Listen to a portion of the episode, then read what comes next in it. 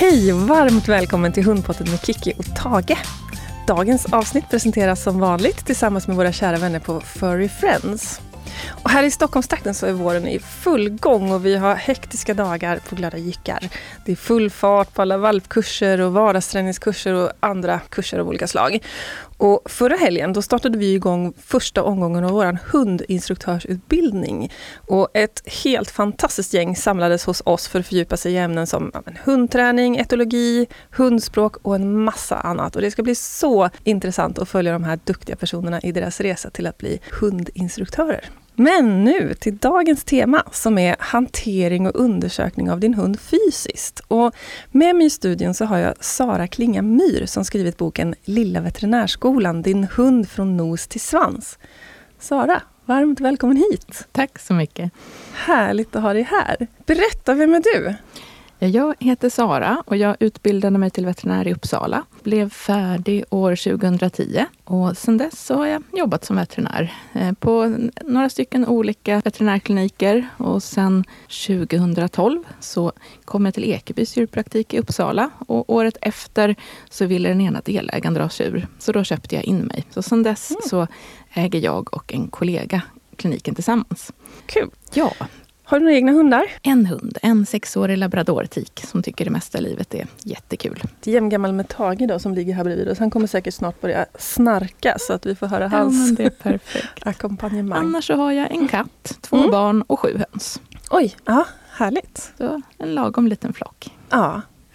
Och upprinnelsen till det här poddavsnittet var att du har gett ut en bok Ja. Som heter Lilla Veterinärskolan. Vad är bakgrunden till den? Ja, eh, egentligen så började det med att jag på fritiden skrev böcker bara för skojs skull. Framförallt för barn och ungdomar. Bara mm. på egen skull, läste en massa roliga skrivkurser och skrev och skrev och skrev. Mm. Och sen har jag skickat ut lite böcker till förlag bara för att se om någon är intresserad. Mm. Och för ett drygt år sedan så skickade jag in en barnbok som handlade om trasselsuddar och var söt liten bok mm. Eh, till lite olika förlag. Och då hörde Triumf förlag av sig och sa, ja du skriver bra fast vi är inte så intresserade av boken. Men, men du, jag ser att du är veterinär. Har du inte funderat på att skriva en faktabok istället? Mm. Och då började vi spåna och jag gick ju verkligen igång på idén och tänkte att ja, men, åh, det här skulle vara jättekul. Det är så mycket tips man har i huvudet som, man, som skulle kunna vara kul att dela med sig av. Mm. Eh, så då spånade jag ihop en bok som är upplagd som en undersökning framifrån och bak. Och mm. Börjar med nosen och sen så går man igenom kroppsdel för kroppsdel och tipsar om hur ska det se ut, vad ska man tänka på, hur kan man göra när man undersöker? Och sen lite allmänna tips här och var hur man ska undersöka sin hund. Mm. Och vi la upp den så att den passar för, för barn från sex år och uppåt. Eh, men jag har fått feedbacken att det är rätt många vuxna som tycker att den passar utmärkt just för att den är enkel och lättförståelig men inte fördummande på något vis. Så mm. det är många vuxna som har, förvånansvärt många vuxna som har gillat den också. Ja, men det är precis med reflektion och då är det väl just det du säger, sex, sex år och uppåt. Eh, mm. Då räknar man in de vuxna också tänker jag. Ja, och är man verkligen... sex år då, då, läser man den förstås tillsammans med ja. sin familj. Med en vuxen som tycker också att det är spännande. Så det är inte meningen att en sexåring ska klara av allting själv utan det, där får man hjälpas åt och ha det som ett familjeprojekt projekt. Ja men vad kul. Och den är också fantastiskt fint illustrerad. Ja, det är en helt underbar bok. illustratör. Eh, Emma Jansson hon har gett ut många böcker tidigare som handlar just om djur och natur. Och hon bor ute i skogen och har massa djur själv. Och jakthundar och katter och all, alla möjliga djur. Eh, mm. Så det märks verkligen att hon, hon älskar djur och hon lyckas hitta det där personliga i varje djur. För mm. alla bilder, då utgår hon från en hund som hon har träffat eller känner eller så. Så hon lyckas ju inte bara rita en hund, utan det är små personligheter genom hela boken. Mm. Och sen har vi ju, hon har gjort alla illustrationerna själv förstås, men vi har bollat mycket fram och tillbaka när det gäller anatomibilderna och vad som ska vara med och vad som man ska förenkla och hur mycket stiliserat det ska vara. Och, för det ska ju vara korrekt, men samtidigt är det inte meningen att det är en anatomiatlas för veterinärstudenter, utan det ska vara Nej, på lagom precis. nivå också. Så jag är supernöjd med hur bra hon lyckades med den. Ja men exakt, och jag tänker det, det är egentligen två delar, tycker jag, i budskapet. Du får rätta mig om jag har fel. Mm. Men som eh, tycker jag, väldigt viktiga då ur hundens perspektiv. Och det ena är ju liksom det här att undersöka hunden, lite förebyggande för liksom att se, upptäcka saker som, som skulle kunna vara någon, någonting som man kanske behöver gå till veterinären med eller sådär. Men mm. sen är den andra biten också, det är ju att vänja hunden vid att man tittar och undersöker. Och, ja, verkligen. Eh, så det är två väldigt, väldigt viktiga bitar, mm. tänker jag, som du täcker in. Ja, det blir så mycket lättare med så mycket, både för veterinärundersökningar men livet i stort. Om hunden är van vid att man pillar och klappar mm. och klämmer mm. på, och är van vid att åh, nu kommer det händer som petar på mig. Ja, men det brukar vara mysigt. Mm. Istället för att det för första gången någon ska peta och klämma på den är hos en veterinär när den kanske har ont. Mm. Då är det så mycket lättare när den är van vid att åh, vad mysigt. Nu, nu kommer matte och ska pilla på mig. Ja men exakt. Och det tycker jag är så fint också att du skriver så tydligt. Ja, men det finns ju både exempel på vad man ska titta efter som kan vara tecken på att hunden inte vill eller att den är stressad. Och att eh, man kan behöva pausa och göra lite roliga tricks och så emellan för att hunden ska tycka att det är mysigt och kul. Ja, jo, det känns ju faktiskt jätteviktigt. För det, det är inte riktigt riktigt rimligt att tänka att en hund som aldrig varit med om en att man pillar och klämmer och känner igenom hela hunden ska stå blickstilla i en halvtimme under tiden man känner och klämmer på varenda liten del. Utan man får ju vara lite följsam där. Mm. Och både för sin egen skull, för det, en del hundar har stor integritet och mm. inte alls vana vid att man petar i munnen eller är rädda om tassarna och så vidare. Så jag vill ju absolut inte att något barn eller vuxen blir biten för att man bara forcerar på. Mm. Plus att man, jag vill ju att hunden ska tycka att det här är en mysig och positiv stund också förstås. Mm. Mm. Och om, man skulle, om du skulle dela med dig av några liksom, tips som du ger i boken, var, var skulle du vilja börja då? Ja, det är väl kanske att tänka lite extra på de där ställena som man inte tittar på varje dag. För det är ganska lätt att se Oj, är hunden jättehalt på en tass? Mm. Jag menar, det ser man. Men särskilt kanske på en hund med hängöron. Att verkligen titta och använda alla sina, inte riktigt alla sina sinnen, kanske inte smaksinnet, men lukta i öronen, titta, lyssna. Och just på de ställena man inte ser så noga. Det är väldigt vanligt att hundar har till exempel brutit av en tand eller har väldigt mm. inflammerade tandköttet på något ställe. Och det är inte lätt att märka. För hundar går inte runt och säger aj och de slutar absolut inte äta bara för att det gör ont i en tand. Då ska det verkligen ha gått långt. Så just tänka just på de där gömda ställena på kroppen som man inte, inte ser bara när man klappar och gosar med hunden som vanligt. Mm. Det är nog det är bra att tänka på. Mm. Och om vi skulle liksom då följa råden i boken och börja, liksom, för visst är den upplagd så att den går från, nu var det några veckor sedan jag läste boken här, men att den går från nos Ja, svans. det är den röda ja. tråden, precis. Framifrån och bak. Ja. Så om du pratar oss igenom det scenariot då, för du pratar igenom hela boken här. Ja, nu ska vi se. Men om man börjar framifrån. Så en hunds nos, man kan absolut inte känna om hunden har feber eller inte. Det är en sån där gammal myt. Att man Just får det, höra... man tror en torr nos så tror man att hunden är sjuk. Nej, absolut. Torr nos kan betyda att, att det är något krångel med huden eller någonting annat. Men hundens nos kan absolut bli torr och varm ibland. Särskilt om den ligger och sover så är det inte alls ovanligt att den är torr och varm en stund och sen så blir den fuktig och blöt igen. Så det behöver inte betyda att det är något fel. Men det ska ju inte komma någon snor. Eh, och det ska inte låta från nosen. Har man en hund som låter som om den snarkar hela tiden fastän den är fullt vaken, eller om den sover, så det ska ju inte låta från nosen. Lite snus-snus när den nosar förstås, då kan det låta en massa. Men det är inte meningen att det ska låta snorkigt hela tiden, för då får man fundera på om det är för trångt eller om det är något annat som är problem. Annars så när man går framifrån och bak får man tänka på att det finns rätt mycket hudveck på en del hundar i ansiktet. Så har man en hund med kort nos och mycket hudveck så får man titta noga att det inte är rött och irriterat nere i de där hudvecken eller någon brun beläggning eller något sånt. För då får man kika efter. Och är man orolig får man förstås fråga en veterinär. Är det bara lite småfuktigt kanske det räcker med att torka. Och sen när man undersöker hundens mun, då tycker jag att det kan vara enklast att låta hunden ha munnen stängd och bara lyfta på läpparna till en början. För håller man på och ska öppna munnen då brukar det mest bli att man ser en massa tunga överallt, mm. kanske lite läppar och får någon liten skymt av en tand. Men det kan vara lättast att bara hålla en hand under hakan och sen lyfta på läpparna och dra bak läpparna och se om man kan hitta så många tänder man bara kan se. Mm. Och även där så kan man använda luktsinnet eh, också. För hundandedräkt behöver ju inte lukta mint och rosor, men mm. det ska inte stinka, för då är det något som är knas. Antingen, och det vanligaste är väl att det är tandsten och kanske djupa fickor i tandköttet. Ibland så kan det vara problem med magen eller så, så eller så har hunden ätit något äckligt. Men det kan vara bra att tänka på att det ska inte, man ska inte känna att det luktar illa när hunden kommer in i rummet och flåsar. Nej. Så det, det är bra att tänka på också. Och tandborstning är ju fantastiskt. Mm. Eh, särskilt på hundar som har lätt att bilda tandsten. Det kan vara många hundar av små raser, det kan vara schnauzrar och taxar och alla möjliga hundar. Eh, stora hundar, schäfrar och labradorer och så kan ju absolut få problem med tandsten, men inte alls lika mycket som de små. Så där är det extra viktigt om man har en valp av en liten ras och vänja den vid tandborstning så tidigt som möjligt. Och hundar brukar inte ha karies, det är inte det som hundar har problem med. Så det är helt okej att ge hundgodis efter tandborstningen. Så man Just kan det. borsta halva munnen, ge några hundgodisar, borsta lite till och sen ge några hundgodisar till. Så mm. det är helt okej att muta efter tandborstningen också. Det låter bra. Och så tänker jag också att hundgodis det är ju inte godis på samma sätt Nej, som godis för oss människor. Nej, det är ju ofta mat. Ja, ja absolut. Sen så kanske man höjer värdet lite på maten och har något extra gott men då är det som sagt det är ju oftast kött eller... Absolut. Ja. Så det är ju inte... Sen är det klart att det kan väl också ge karies på människor att äta hela tiden så det ska man väl inte heller ja, göra nej, men absolut. Nej men du, du har rätt, det är ju inte men, kakor ja. man ger hunden, det nej. brukar det ju inte vara. Jag har själv en labrador så hon gör ju vad som helst helst för lite torrfoder. Ja. Men det är lite olika med olika hundar vad de uppskattar ja, mest förstås. Ja. Och sen då, om man fortsätter? Ja, och sen om vi kommer till ögonen. Mm. Då är det bra att kolla att ögonen inte är väldigt rinniga.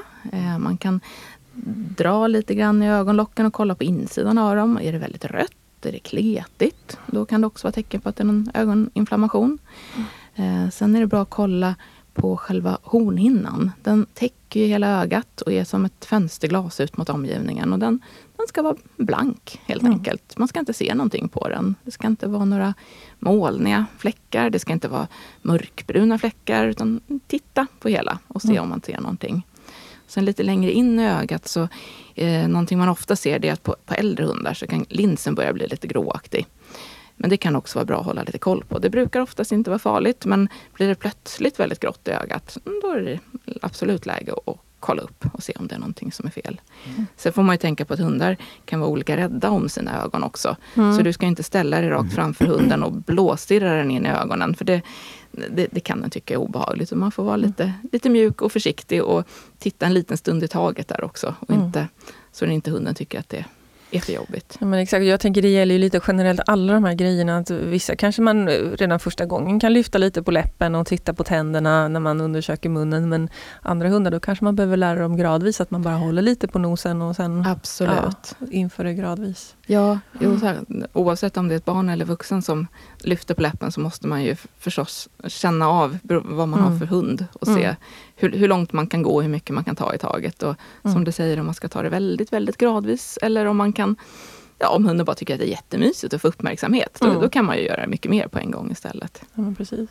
Jag tänker en bra sak med att man gör det här regelbundet, det är att man faktiskt lär sig hur hunden ser ut när den är frisk. Ja, verkligen. För det kan jag tycka ibland när man ringer veterinären och frågar för man behöver åka in och så frågar de saker som man kanske inte vet riktigt hur det brukar se då, ut då normalt sett. Hur ser slemhinnorna ut? Exakt. Ja, rosa med lite fläckar fläckar kanske. Ja. och då är det jättesvårt att veta, är det, brukar min hund se ut så här? Eller ja. ska det vara fläckar här? Ja. Eh, är, är den blek eller är den inte blek? För rosa kan ju betyda väldigt mycket olika saker. Mm. Så det är ju superbra. Mm.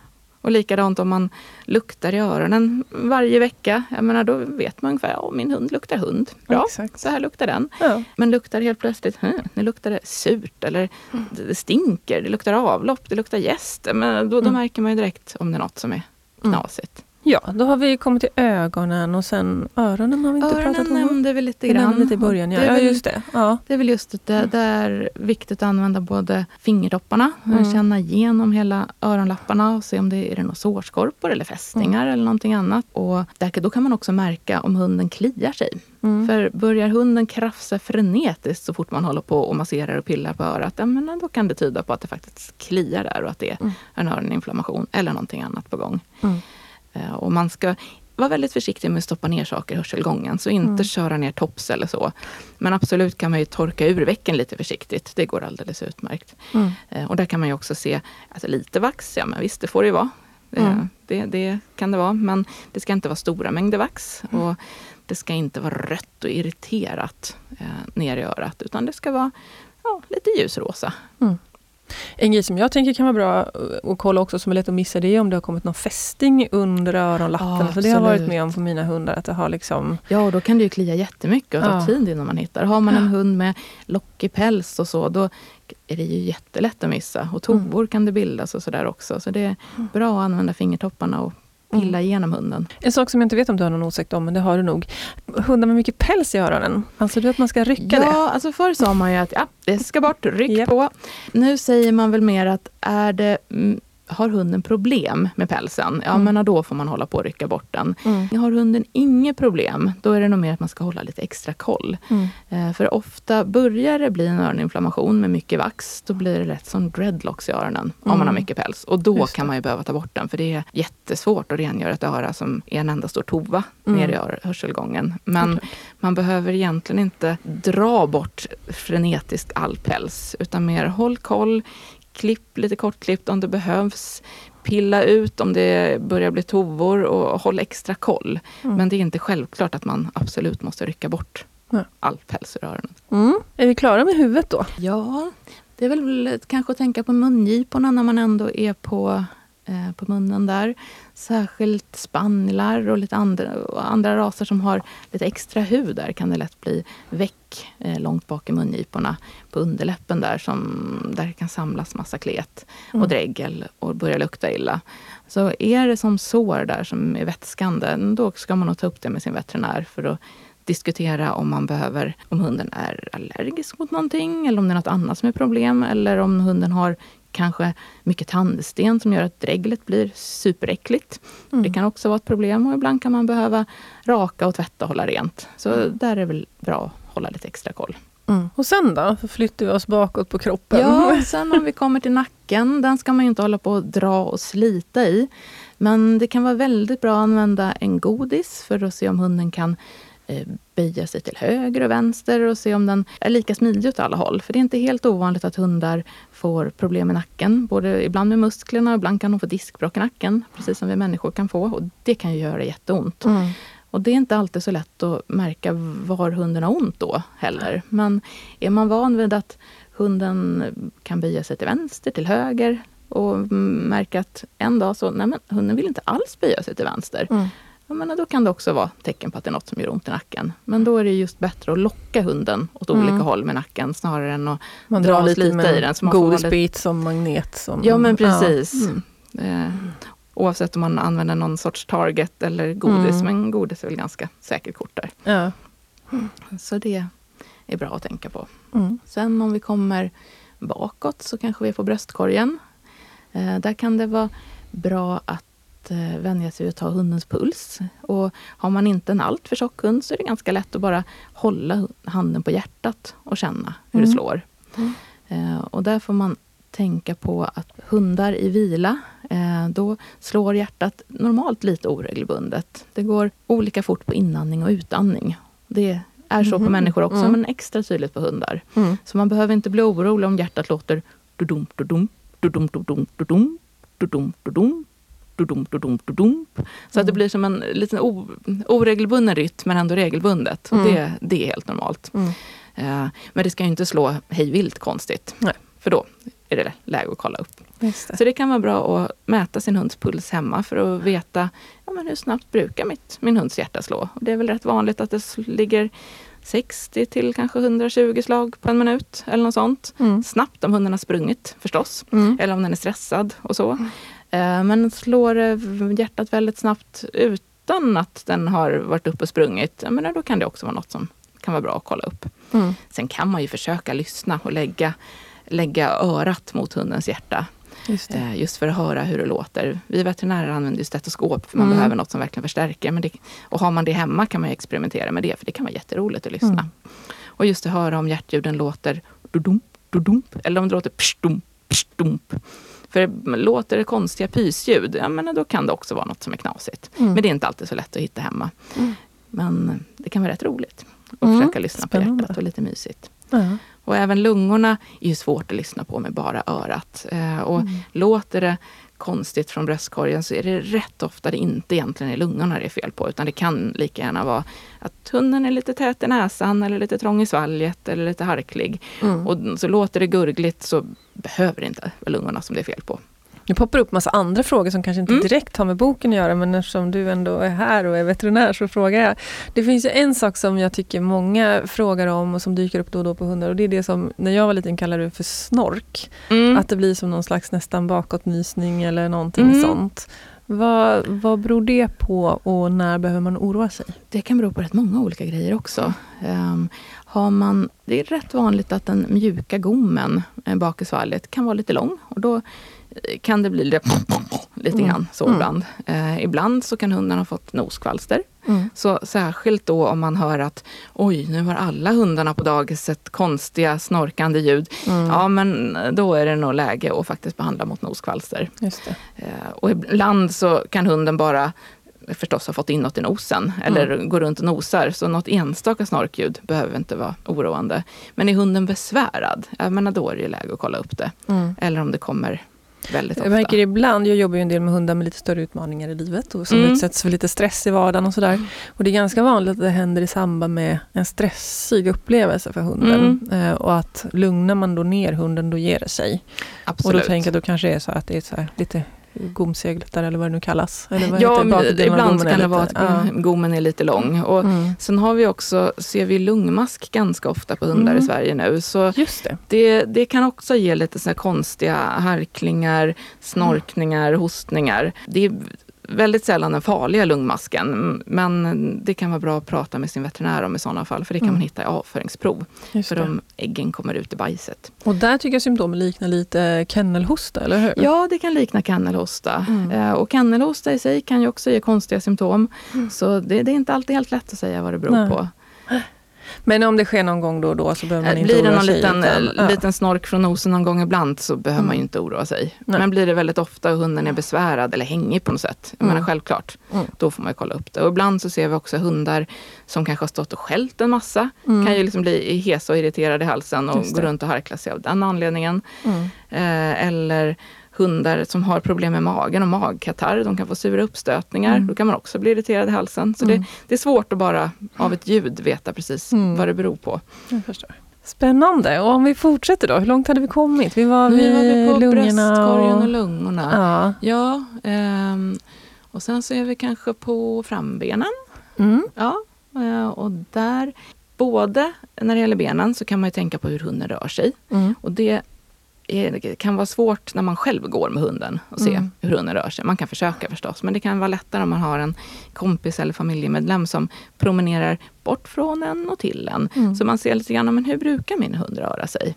Och ofta är det lättare att se om hunden går ojämnt och haltar när den går ganska långsamt. Mm. En hund som galopperar fram är hopplös att se Ja. någonting på. Det är roligt, men det är svårt att se om den är halt eller inte. Ja. Så då är det bra att tänka på, ser det ut som om hunden nickar lite det. konstigt, går oregelbundet? Eller är det någon tass den inte riktigt sätter ner lika mycket som de andra?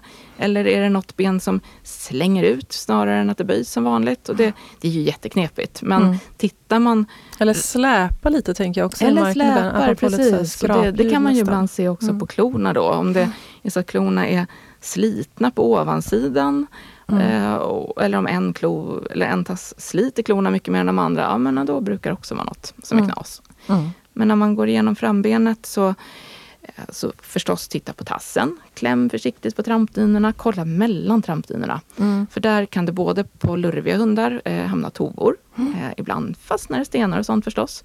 Men det är bra att kolla mellan trampdynorna och se, är hundens hud röd, irriterad, är det lite vätskande någonstans? Eh, är det så att hunden ser ut att ha legat och slickat en massa, då kan det tyda på att den har något problem.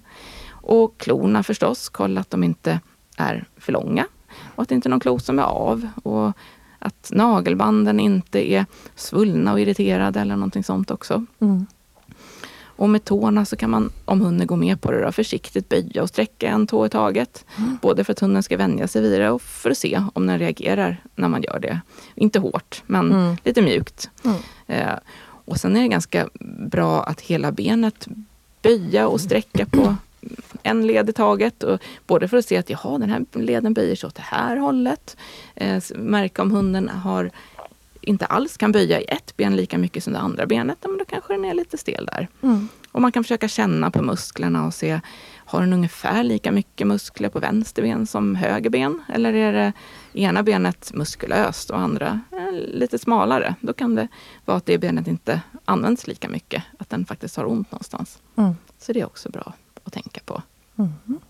Sen om vi kommer till ryggen Många hundar tycker det är jättemysigt med ryggmassage. Mm. Det har du säkert märkt ja. också. Både om man kliar den på ryggen och om man mm. eh, masserar och klämmer över som ryggfiléerna där. Så tycker många hundar att det är jätteskönt. Så det får man ju jättegärna göra. Mm. Sen ska man ju vara försiktig med att trycka hårt på ryggen förstås. För mm. det, det kan ju göra ont. Men att känna, känner jag ryggkotorna? Eh, kan jag känna de små hårda utskotten uppe på ryggkotorna. Då kan man mm, klämma försiktigt på ett i taget, framifrån och bak. Eh, inte stenhårt förstås där heller, men då kan man också märka, är det så att hunden på ett ställe på ryggen tycker att nej men det var inte så skönt. Mm. Då, då kan man också behöva diskutera med sin veterinär. Har den ont eller, eller är det någonting annat som är knas? Mm. Och även revbenen ska man ju kunna känna. Mm. Um, det är ofta att det är lätt att hunden går upp i vikt förstås. Och när man träffar sin hund varje dag så är det väldigt lätt att inte märka att den blir ett, ett hekto tyngre i, i taget. Och mm. Sen helt plötsligt är det lite väl mycket fluff.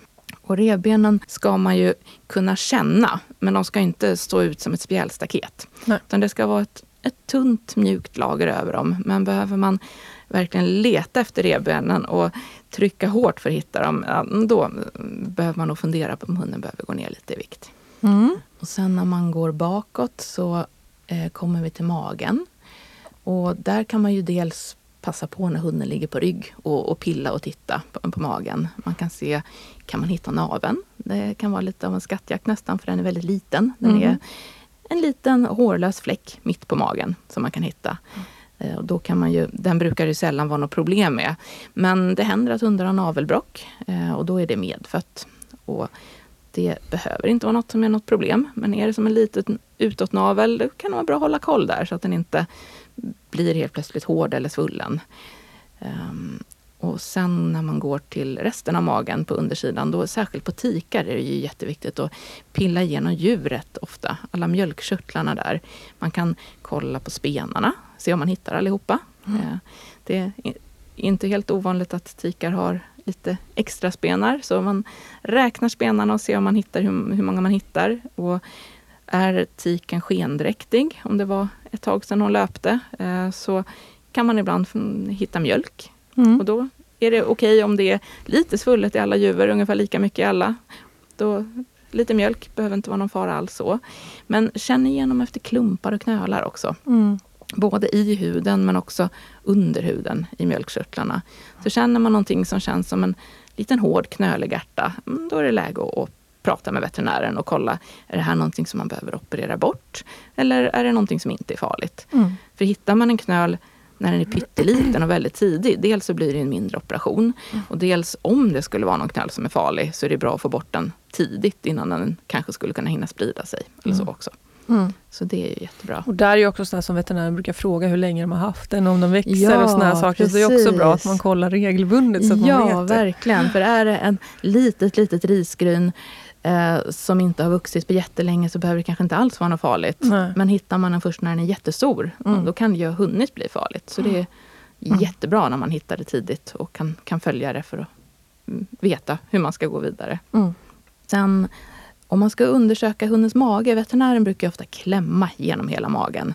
Eh, och veterinären klämmer ganska hårt, eh, fast med mjuka händer så. Mm. Men vi klämmer ju djupare för att verkligen kunna bläddra bland tarmarna och känna mm. precis hur det känns på djupet. Och det kan man kanske inte riktigt göra hemma. Men eh, det är jättebra att känna på, eh, vänja hunden vid att känna på magen.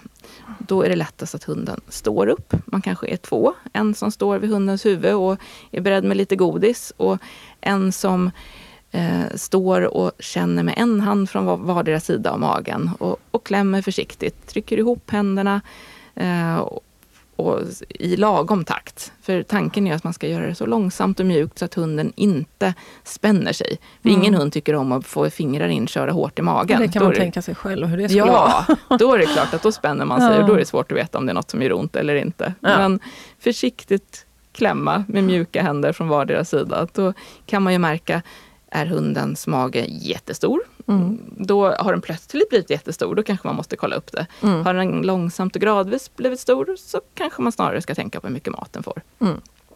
Men också se då, för det är också någonting om man ringer en videoveterinär eller så, så kanske de ber en klämma på magen. Och det är jättesvårt om man inte är van vid det. Mm. Och sen när vi går bakåt så kommer vi till bakbenen. Mm. Eh, det är också jättebra att böja och sträcka försiktigt på alla lederna där. Man får, får vara lite försiktig, för särskilt lite äldre hundar har ofta lite problem med höfterna. Mm. Så börjar man dra oss lite hårt i dem så är det klart att det gör ont. Men försiktigt och tänka mer att i en takt som långsam stretching än att liksom, böja och slita i dem hårt. Utan mm. böja hela benet, då ser man också åt vilket håll alla lederna böjer sig. Ja, knät böjer sig åt det hållet. Ja, men titta hasen där. Och så, så lär man sig hur delarna sitter, hur hunden sitter ihop. Mm. Och likadant där också märker att är det så att ena benet sträcker hunden glatt ut, andra benet, nej, då vill den knappt sträcka alls. Och då kan det också vara något som är knas där. Mm. Och så kan man känna över knät, se om man kan eh, Båda knäna känns ungefär lika tjocka. På små hundar så sitter ofta knäskålen lite lösare. Eh, inte alltid, men det, det är vanligt problem med småhundars raser. Så. så där kan man också lite försiktigt, försiktigt, försiktigt känna, går de att rucka på? Där ska man inte slita hårt förstås. Mm. Men känna lite grann hur det känns normalt där. Och ner till tassen förstås också. Och gå igenom alla klor och trampdynor. Och så kan en del hundar ha sporrar bak, som en extra tumme där bak också. Och en del hundar har inte det. Och en del andra dub dubbla sporrar. Så ha koll på hur många klor hunden har. Och just när man klipper klorna är det ju jättebra att komma ihåg sporrarna också. För de är lätta mm. att glömma. För de sitter uppe på benet och är lite gömda i pälsen kanske. Och hundarna sliter inte direkt på sporrarna. Så de har en tendens ibland att växa sig lite för långa. Och då är risken att de fastnar någonstans om de racear i skogen eller fastnar i någon trappa eller så. Och går klorna av så måste man in till veterinär. Mm. Och det kan vara skönt att slippa. Ja, både för sig själv och hunden och plånboken. Ja, både för plånboken och för hunden. ja, ja men precis. Sen när det, när det gäller hanhundar eh, så är det ju jättebra att veta ungefär hur stora testiklarna brukar vara och känna mjukt och försiktigt på dem. För de ska vara som plommon ungefär i formen. Mm. Och det ska inte kännas några hårda konstiga knölar och det ska inte vara så att den ena är liten och den andra är stor. Mm. För då är det bra att kolla upp. Mm. Sen precis framför testiklarna så sitter det svällkroppar. Eh, och där är det ganska vanligt om hanhunden kanske har känt lukten av en tik eller bara lite ändå, att det kan bli svullet där. Mm. Och det behöver man absolut inte oroa sig för. Mm. Så känner man en svullnad så det nästan blir som, men är det som en extra testikel framför testiklarna? Vad konstigt. Ja, vänta en liten stund då. Mm. För har den försvunnit, då var det bara svällkropparna. Så mm. det är ingen fara. Eh, och sen, snoppen brukar ju ofta komma fram lite då och då. Den behöver man ju inte plocka fram annars för att titta på. Men kolla, är det mycket klet som kommer?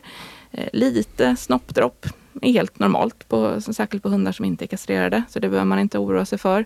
Men är hunden där och ska slicka hela tiden eller om det luktar illa eller om det ser rött och svullet ut, då kan det vara läge att kolla upp det. Och när det gäller tikar så är det ju jätteviktigt att ha koll på att det inte kommer några flytningar från snippan. När hon löper ja, men då kommer det blod förstås. Mm. Och då är det lite olika. En del tikar är superduktiga på att städa efter sig, så man märker knappt. En del hundar dräller blod överallt. Mm. Så det är lite olika. Men är hunden inte kastrerad, om hon alltså har äggstockarna kvar, men då, löper hon ungefär två gånger om året. Lite olika. Och där är det jätteviktigt att ha koll på. Men vilken dag började löpet? Mm, Okej, okay. för första dagen är när det börjar komma lite blod. Och det är inte alltid så lätt att märka. Men försök hålla koll. Och Ser man en liten blodfläck i bädden eller så, ja men då vet man att nu är det på gång. Och då är det jätteviktigt att hålla koll på att hon inte råkar para sig. Mm. För de är snabba som attans. Jag har varit med om att hundar har parat sig genom stängsel. Oj, jag har varit ja. med om hundar som har smitit ut i trädgården fem minuter och kommit in och varit dräktiga sen. Trots ja. att, för att man har en hund i grannskapet lyckades komma förbi just då. Så det, det gäller att ha lite koll där.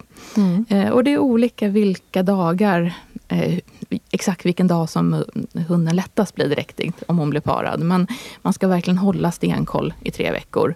För sista veckan så är det ofta vanligt att ja, men hunden nästan slutar blöda. Och man tänker att ja, men nu är det nog över. Men hon kan ha precis kommit in i höglöpet och då börja blöda mindre. Så man håller extra koll de här tre veckorna. Mm.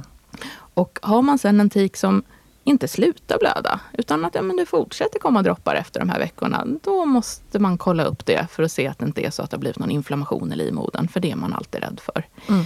Och Inflammation i livmodern uh, hänger väldigt mycket ihop med hormoner på hundar.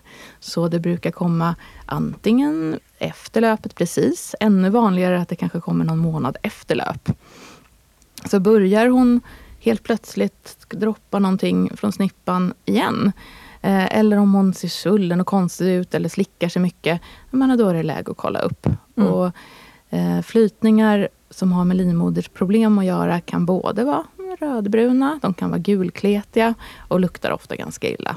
Så där är det bra att hålla lite extra koll. Mm. Och annars, om vi är bak vid rumpan nu, mm. så eh, bajset är förstås bra att hålla koll på. Mm. Bor man i stan och plockar upp det med bajspåse, då blir det automatiskt att då man har rätt. Då har man nästan ja. löjligt bra koll på hur mycket hunden bajsar. Mm. Eh, men det, det, kan vara bra i vilket fall som helst att hålla lite koll där. Mm.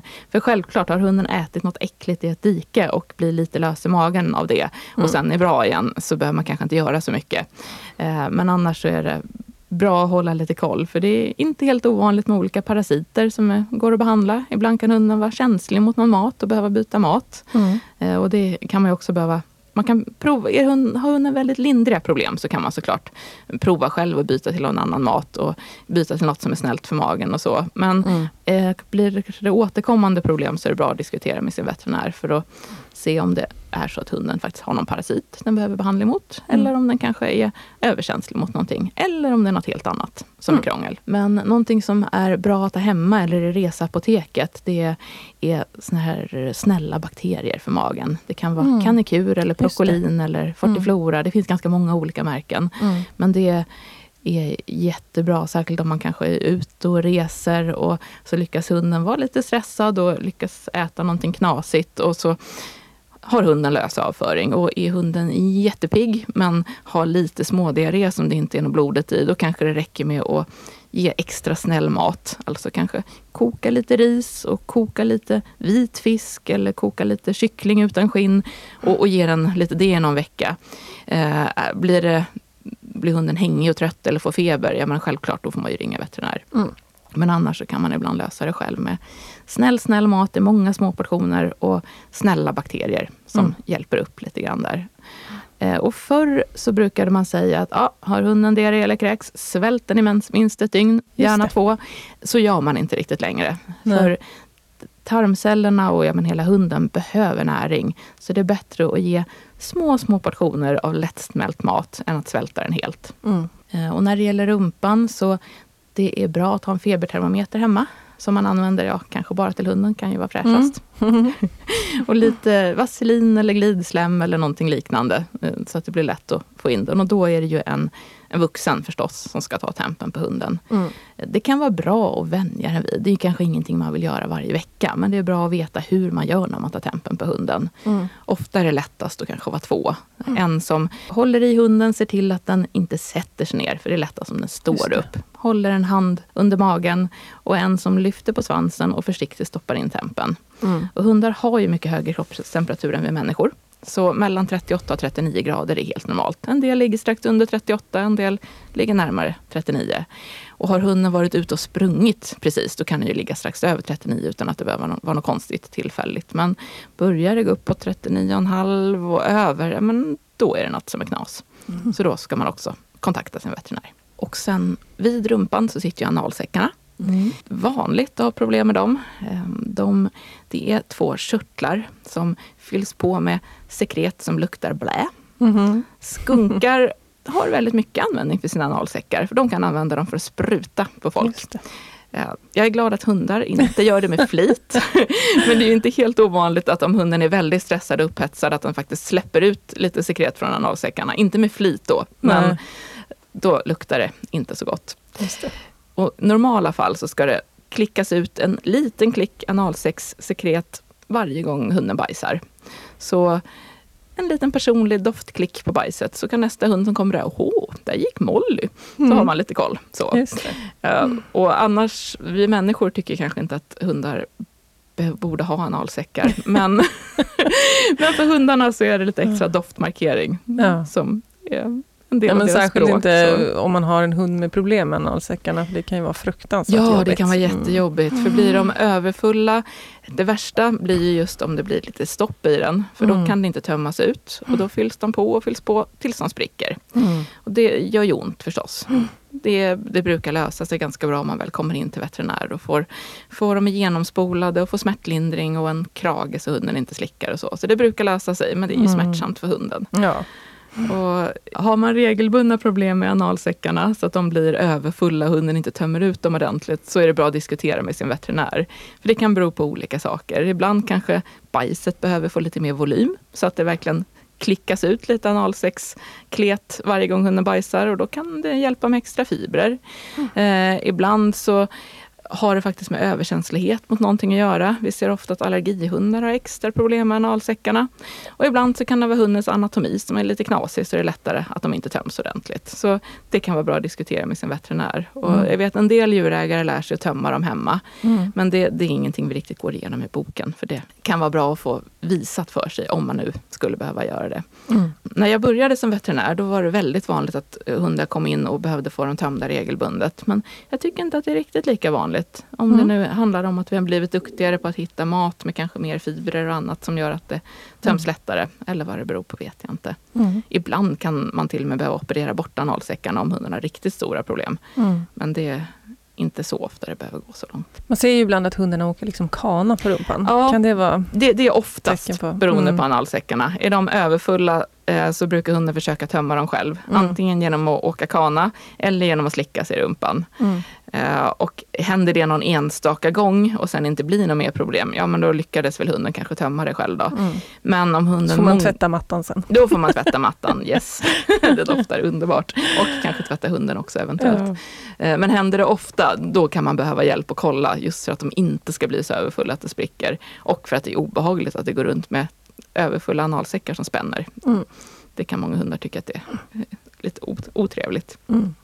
Sen märker jag på Tage som är allergihund att när han får klåda generellt, då får mm. han ju också klåda i rumpan. Ja. Kanske inte just på grund av analsäckarna utan bara att det är... Ja, ja men absolut, huden Så hänger ihop på ett stort mm. system som inte är helt lätt att komma till rätta med alla gånger. Mm. Ja, vad var vi sen? Vid svansen kanske? Mm. Ja.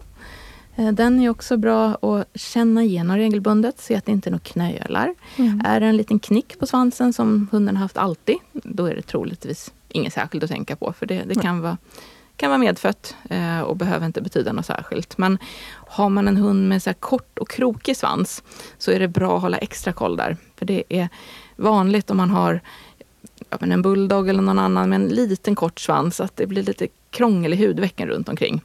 Så man får mm. hålla lite extra koll på eh, att det inte i några djupa väktare samlas ja, döda hudceller eller sekret eller blir mm. kletigt. Så där är det bra att hålla koll.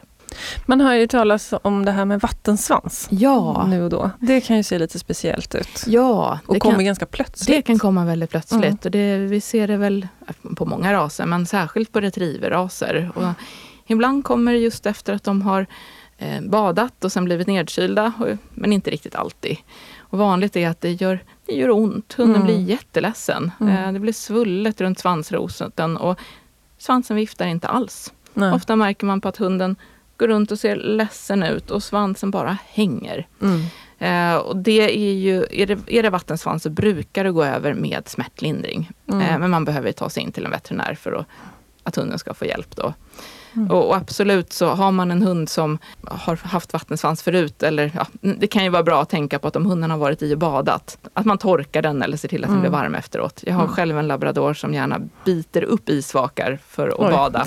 Och är man mitt ute på, en promenad så är det klart man kanske inte har med sig en handduk och torkar hunden då. Så oftast går det bra, men det, det kan vara lite ökad risk just om hunden är i och badar och blir nerkyld. Eh, och just retrievers kan ju vara lite tokiga på det viset. Japp. ja. ja, men då har vi gått från nos till svans. Ja, men jag tror det.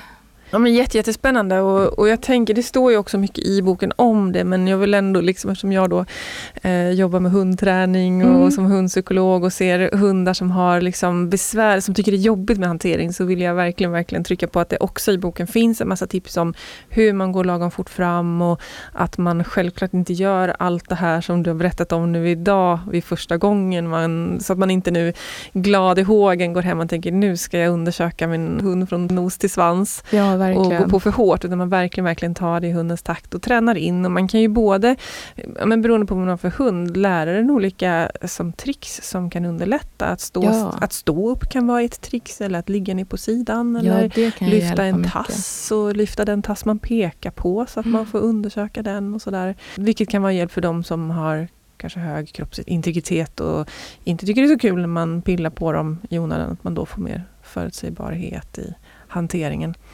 Mm. Medan andra kanske tycker det är bara som du säger, bara mysigt och gosigt och då, då behöver man inte vara lika noga men fortfarande ta saker i hundens takt. Ja, verkligen. Och det tycker det är många hundtränare, hundpsykologer, hundinstruktörer som är jätteduktiga på sånt här också. Mm. Så det är ju jättebra att be sin hundinstruktör om tips om man Mm. märker att, att det är svårt att få till det. Ja. det. Och har man en liten valp så är det sånt som är jättebra att fråga om på valpkursen. Ja. För på valpkursen så har man ju med sig valpen. Man kanske Mm. har med sig, har man möjlighet att gå hela familjen så ibland så kan det vara bra att både ett barn och en vuxen går med. Om det är en kurs som tillåter det. Mm. Eh, Så då är det ju perfekt att ställa frågor och be om handfasta tips där också och vänja hunden vid att det, att det är mysigt. Ja, har man en vuxen hund så kan det vara, då får man ju se vad, vad man har att jobba med från början. Vad, Ja. vad tycker hunden om redan? Ja. Så är det någonting som hunden tycker är extra jobbigt, då får man ju verkligen lägga upp det så att man inte gör allting hunden tycker är jobbigt på en gång. Nej. Och som du säger, tar ett litet steg i taget. Mm. Och på längst bak i boken så finns en checklista där man kan Mm. ta kryssa för lite grann. Vilka delar har jag kikat på? Mm. Och man kan ju också tänka, ja, men vad vill jag titta på idag? Ja, men Mm. idag, idag vill jag titta på svansen. Och sen så kanske man går igenom svansen bara. Mm. Och så nästa dag så, ja men idag, idag vill jag lyssna på hjärtat. Mm. Så att man inte tänker att nu ska vi klara av allting på en gång. Utan Precis. tar det man själv är intresserad av extra kanske. Och Mm. det hunden tycker är enkelt kan man ju börja med. Mm. Tills har vant sig vid att, ja men titta, när Matte kommer med den där boken i handen och Mm. en full godispåse, ja men nu, ska det hända något mysigt här. Härligt! Har du något mer som du vill tillägga till det vi har pratat om nu? Eller känner vi, det känns ju som att vi har ju täckt igenom väldigt Jag mycket. tror vi har gått igenom rätt mycket. Jag skulle gärna Mm. vilja tillägga att man inte ska underskatta barn också. Mm. Eh, Jag märker ofta att Mm. när barn är med under veterinärbesöken att barn har så smarta frågor. Mm. Och ofta är det de som pysslar mycket till vardags med hunden hemma. Mm. Så många barn har väldigt bra hand med sina djur. Mm. Och ett nyfiket, intresserat barn ska man inte underskatta. Nej. De kan lära sig så mycket grejer. Mm. Och är ofta bättre på att lyssna än vad vi Mm. vuxna är många Det är gånger. min erfarenhet också. Man Ja. har inte så mycket förutfattade meningar och vanor och grejer. Utan Nej, och det är mer... tänk hur mycket ett barn kan lära sig om Pokémons eller dinosaurier. Ja. Eh, Ett barn som är intresserad av hundar kan ju bli expert nästan. De Ja. är, Verkligen. Bra, jag håller med. Verkligen, verkligen. Jag älskar, jag har en hel del eh, barn på privatlektioner Mm, för ja, hundträning. och ibland är det hela familjer och ibland är det bara barnen som går med sin hund. Och det är verkligen, ja men föräldrarna kan vara lite oroliga innan, hur ska det gå? Hon är inte så gammal eller han är inte så gammal. Men, men eh, jag säger tvärtom, det är mycket lättare att jobba med barnen för att de, de bara gör. Det är inte så, de lyssnar och tar in och gör och som du säger är intresserade. Och, ja, och Medans- många barn, om det är något barnen inte förstår vågar de ofta fråga. ja. Mm. Eh, Så det, Mm. Ja, verkligen. Jag håller med. Eh, om man vill köpa boken, vart vänder man sig då? Den finns på alla internetbokhandlar. Mm. Eh, ja, men Bokus, Adlibris, Ginsa och så vidare. Akademibokhandeln i hela Sverige Mm. har boken, både på, ja, i alla sina affärer och på, Mm. eh, på nätet. Mm. Sen så är det ganska många av mina kollegor som har tagit in den till sina veterinärpraktiker Mm. också. Så det. det är både jag säljer den själv och på Mm. några andra veterinärbutiker. Mm. Finns den på Runt om. bibliotek? Ja, många Mm. bibliotek har tagit in den. Eh, Kul. Den har inte kommit in till riktigt alla bibliotek än, men fler och fler. Jag Och där kan man säkert fråga efter den om man skulle Absolut. vilja så kanske de också tar in den. Och, ja. kollade igår så Uppsalas bibliotek har tagit in 16 exemplar och igår Mm. var alla utlånade och det stod Mm. någon på kö också. Ja. Men, så det är bara att fråga sitt bibliotek så Ja. kan man reservera den. Kul. Så tar de in den om det skulle behövas. Ja. Och jag tänker det är en fantastiskt fin present om man känner någon eh, som har en hund överhuvudtaget, men kanske särskilt barn med hund. Så ja, det är verkligen tips. Och vi har ju också en tävling i våra sociala Ja. medier, så att vill man få chans att vinna ett exemplar av boken, då ska man gå till Instagram och Facebook och kolla, så finns det instruktioner där hur man kan tävla. Det gäller ju då de som lyssnar på det här avsnittet i någorlunda nära tid efter att avsnittet har släppts. Men, eh, men eh, ja, in och kolla där. Och eh, om man vill följa dig på Instagram eller Facebook, eller var hittar man dig? Ja, man hittar mig på både Instagram och Facebook. Mm. Jag kallar mig författare Sara Klinga Myr Mm. där. Eh, Så det brukar gå att söka på, sitt, på mitt namn, så Ja. borde man hitta mig där.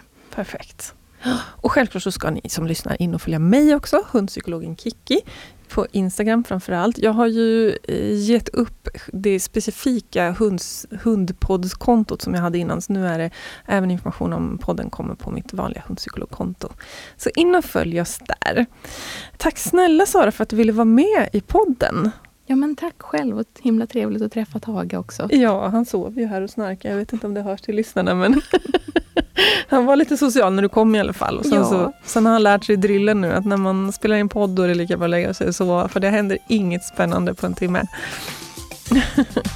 Bra, och, och tack till alla er som har lyssnat på Hundpodden med Kikki Felstenius och Tage the Beagle och idag även med veterinären och författaren Sara Klinga Myr.